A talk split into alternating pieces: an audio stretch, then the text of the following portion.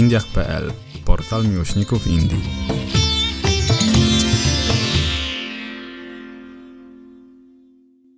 Zapiski na kolanie. Odcinek siódmy.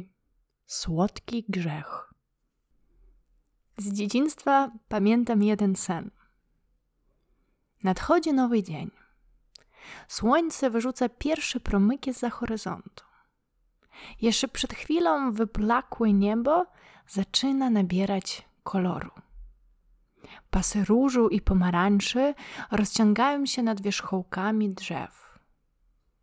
I nagle ten spokój i piękno poranku jak nożem przycina krzyk. Krzyk małej dziewczynki. Kiedy wszyscy jeszcze śpią, ona spać nie może, bo boli ją ząb. W tym momencie zawsze się budziłam i sprawdzałam swoje zęby.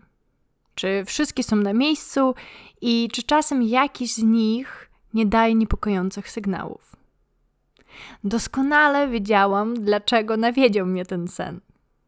Z całą pewnością poprzedniego dnia nie posłuchałam zaleceń swojej babci, która widząc, jak wcinam kolejnego, niezliczonego w ilości cukierka, zawsze mówiła: Nie jedz tyle słodyczy, bo będą cię boleć zęby.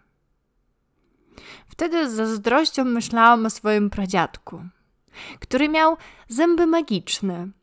Mógł jeść dowolnej ilości cukierków, a później po naciśnięciu niewidocznego dla gołego oka guzika wyjmował z buzi swoje piękne zęby i wkładał je do szklanki. Wtedy żaden ból już nie mógł jego dopaść. Zawsze mnie to fascynowało i mozolnie próbowałam znaleźć taki guzik u siebie, by przynajmniej przez chwilę nie myśleć o konsekwencjach. Uśmiechnęłam się na tą myśl i popatrzyłam na stolik przy moim hotelowym łóżku. Na nim bystrosko leżało prawie puste pudełeczko, jeszcze niedawno wypełnione indyjskimi smakołykami. Ale żeby zrozumieć, jak się znalazłam w tym punkcie, cofnijmy zegarek o 24 godziny. Poranek dnia poprzedniego. Obudziłam się dość wcześniej i po porannej medytacji postanowiłam udać się na krótki spacer, by upolować coś pysznego na śniadanie. Wędrowałam z ulicy na ulicę, bez zastanowienia się zmieniając kierunki spaceru, kierując się raczej intuicją niż klarownie określoną mapą w mojej głowie.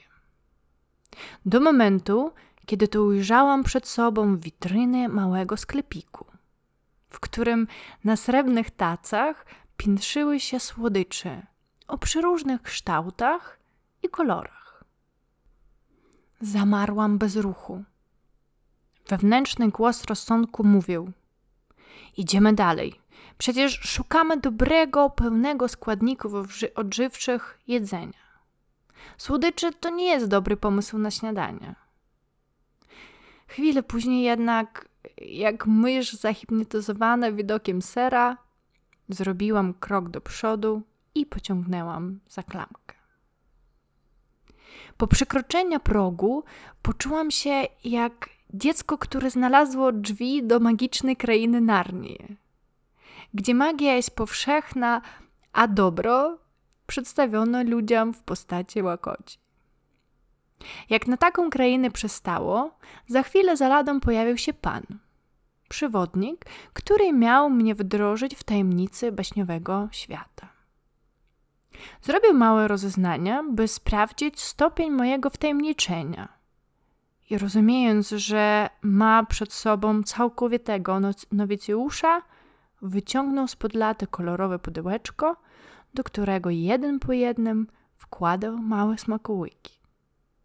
Każdemu z nich towarzyszyła osobna historia.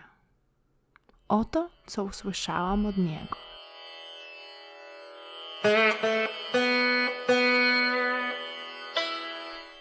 Razgula Legenda głosi, że kiedy pan Jagannath wybierał się na Ras Yatra, festiwal Kujaguchi, nie zaprosił swojej małżonki Lakshmi. Oczywiście kobieta była mocno zasmucona takim zachowaniem swojego ukochanego i żeby ją jakoś uspokoić, Lord Jagannath ofiarował jej razgulę. Od tego czasu tradycją jest ofiarowanie razguli bogini Lakshmi dziewiątego dnia raz jatra. I dopiero gdy ona skosztuje ten przysmak, trzy główne bóstwa mogą wejść do świątyni. Razgula to słodkie kulki bazujące na indyjskiej odmianie białego sera, czyli panir. Niewielkie białe kulki gotują się w lekkim, słodkim syropie.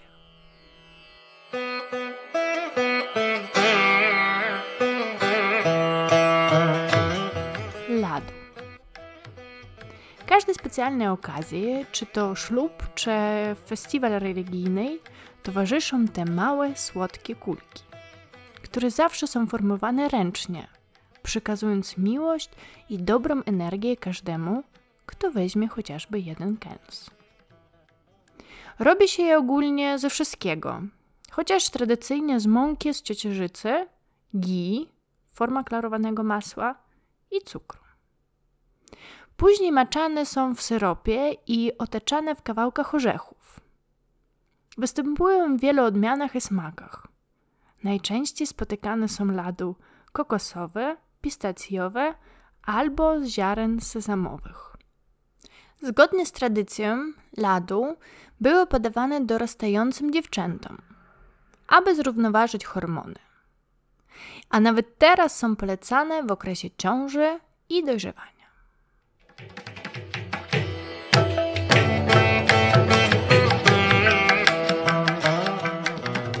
Peta.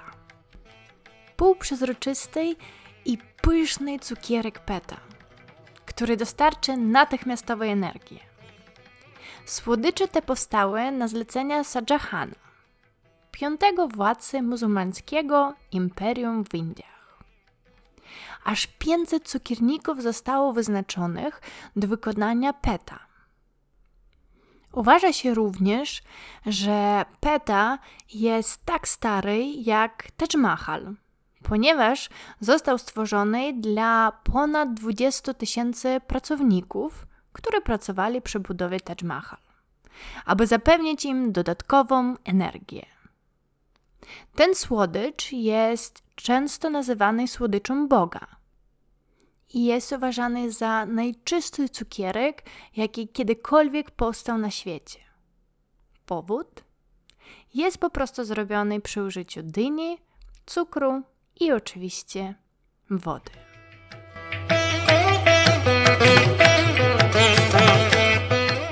Missouri.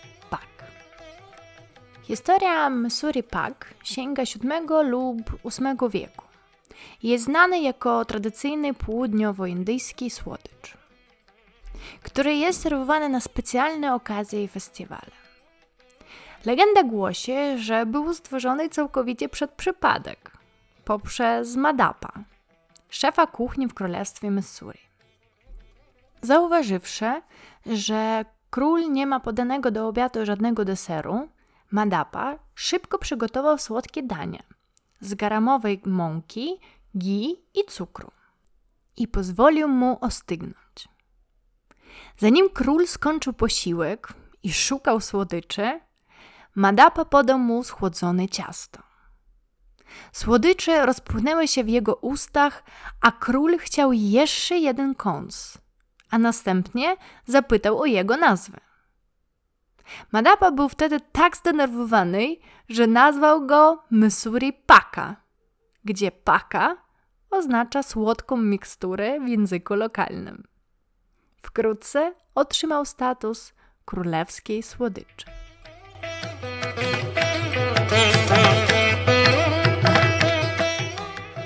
Barfi. Słowo barfi pochodzi od perskiego słowa barf, co oznacza śnieg. Ta nazwa nawiązuje do koloru deseru.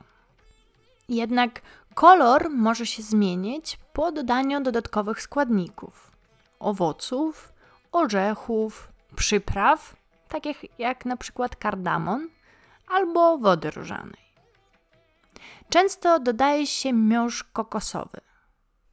Na wierzchu barfi odekorowane są pokruszonymi orzechami, a przy szczególnie uroczystych okazjach najlepszymi płatkami srebra, które są również spożywane w Indiach, choć nie posiadają smaku. Każdy rodzaj barfi w Indiach ma swoją nazwę. Barfi są zwykle krojone w kwadraty lub rąby, takie jak bakława. Jest tradycyjnym słodyczem towarzyszącym festiwalowi światła Diwali.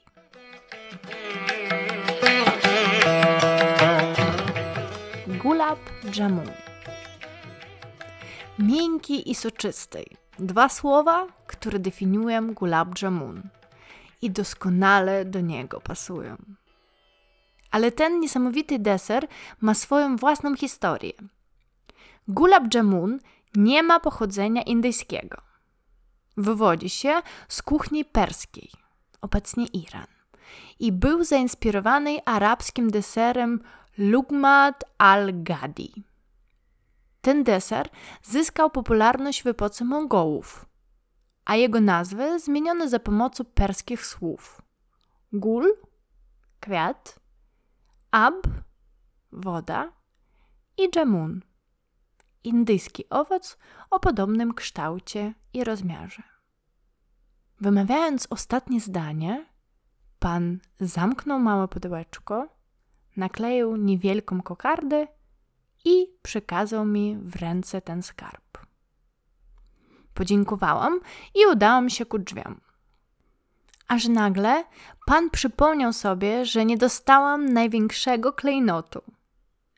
Wyciągnął ceramiczną miseczkę, umieścił w środku kolejną białą kuleczkę i wszystko zalał złocistym płynem uzyskanym poprzez dodanie kilku nici szafranu. To został sobie na koniec. Absolutnie oczarowana, z rękoma pełnymi pyszności, wyszłam na zewnątrz. Usiadłam na chodniku i zaczęłam degustację. Nie minęła i sekunda, jak poczułam na sobie czyjś wzrok. Podniosłam oczy. Na mnie patrzyła krowa. Zdając sobie sprawę, że ta krowa może nie być całkiem zwykłą krową, a jakimś niezliczonym awatarem wszechobecnych bogów, postanowiłam podzielić się posiłkiem. Miałam tylko dylemat, jaki oto kawałek ofiarować, bo każdy z bóstw ma swoje upodobania. Hanuman uwielbia ladu, Ganesha lubi modak, a słodki mały pan Krishna lubi peta. Licząc na wybaczenia w razie pomyłki, ofiarowałam krowie pyszną kulkę ladu. Słodycz szybko zniknęła z widoku, a zadowolona bogini ruszyła w dalszą podróż. Ach, ty indyjskie słodycze. W sumie nic dziwnego, że odgrywają tak ważną rolę w życiu codziennym Indusów, bo to Indii możemy zawdzięczać pochodzeniu cukru.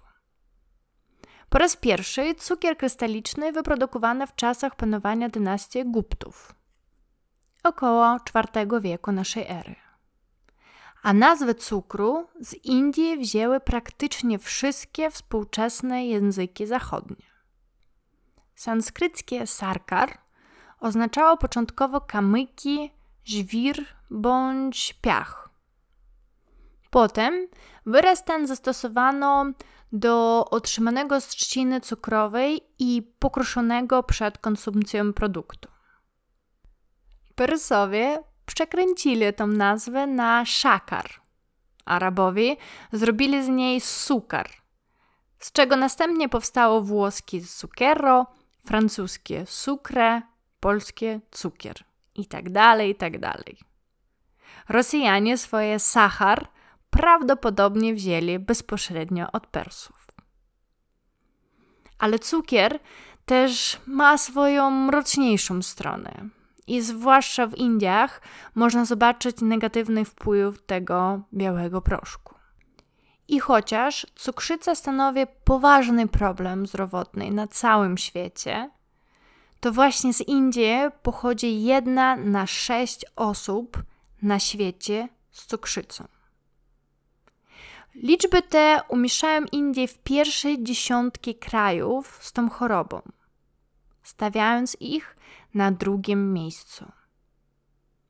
Powodów do tak wysokich liczb może być kilka, wśród których można wymienić silniejsze czynniki genetyczne oraz czynniki środowiskowe, szczególnie związane z urbanizacją.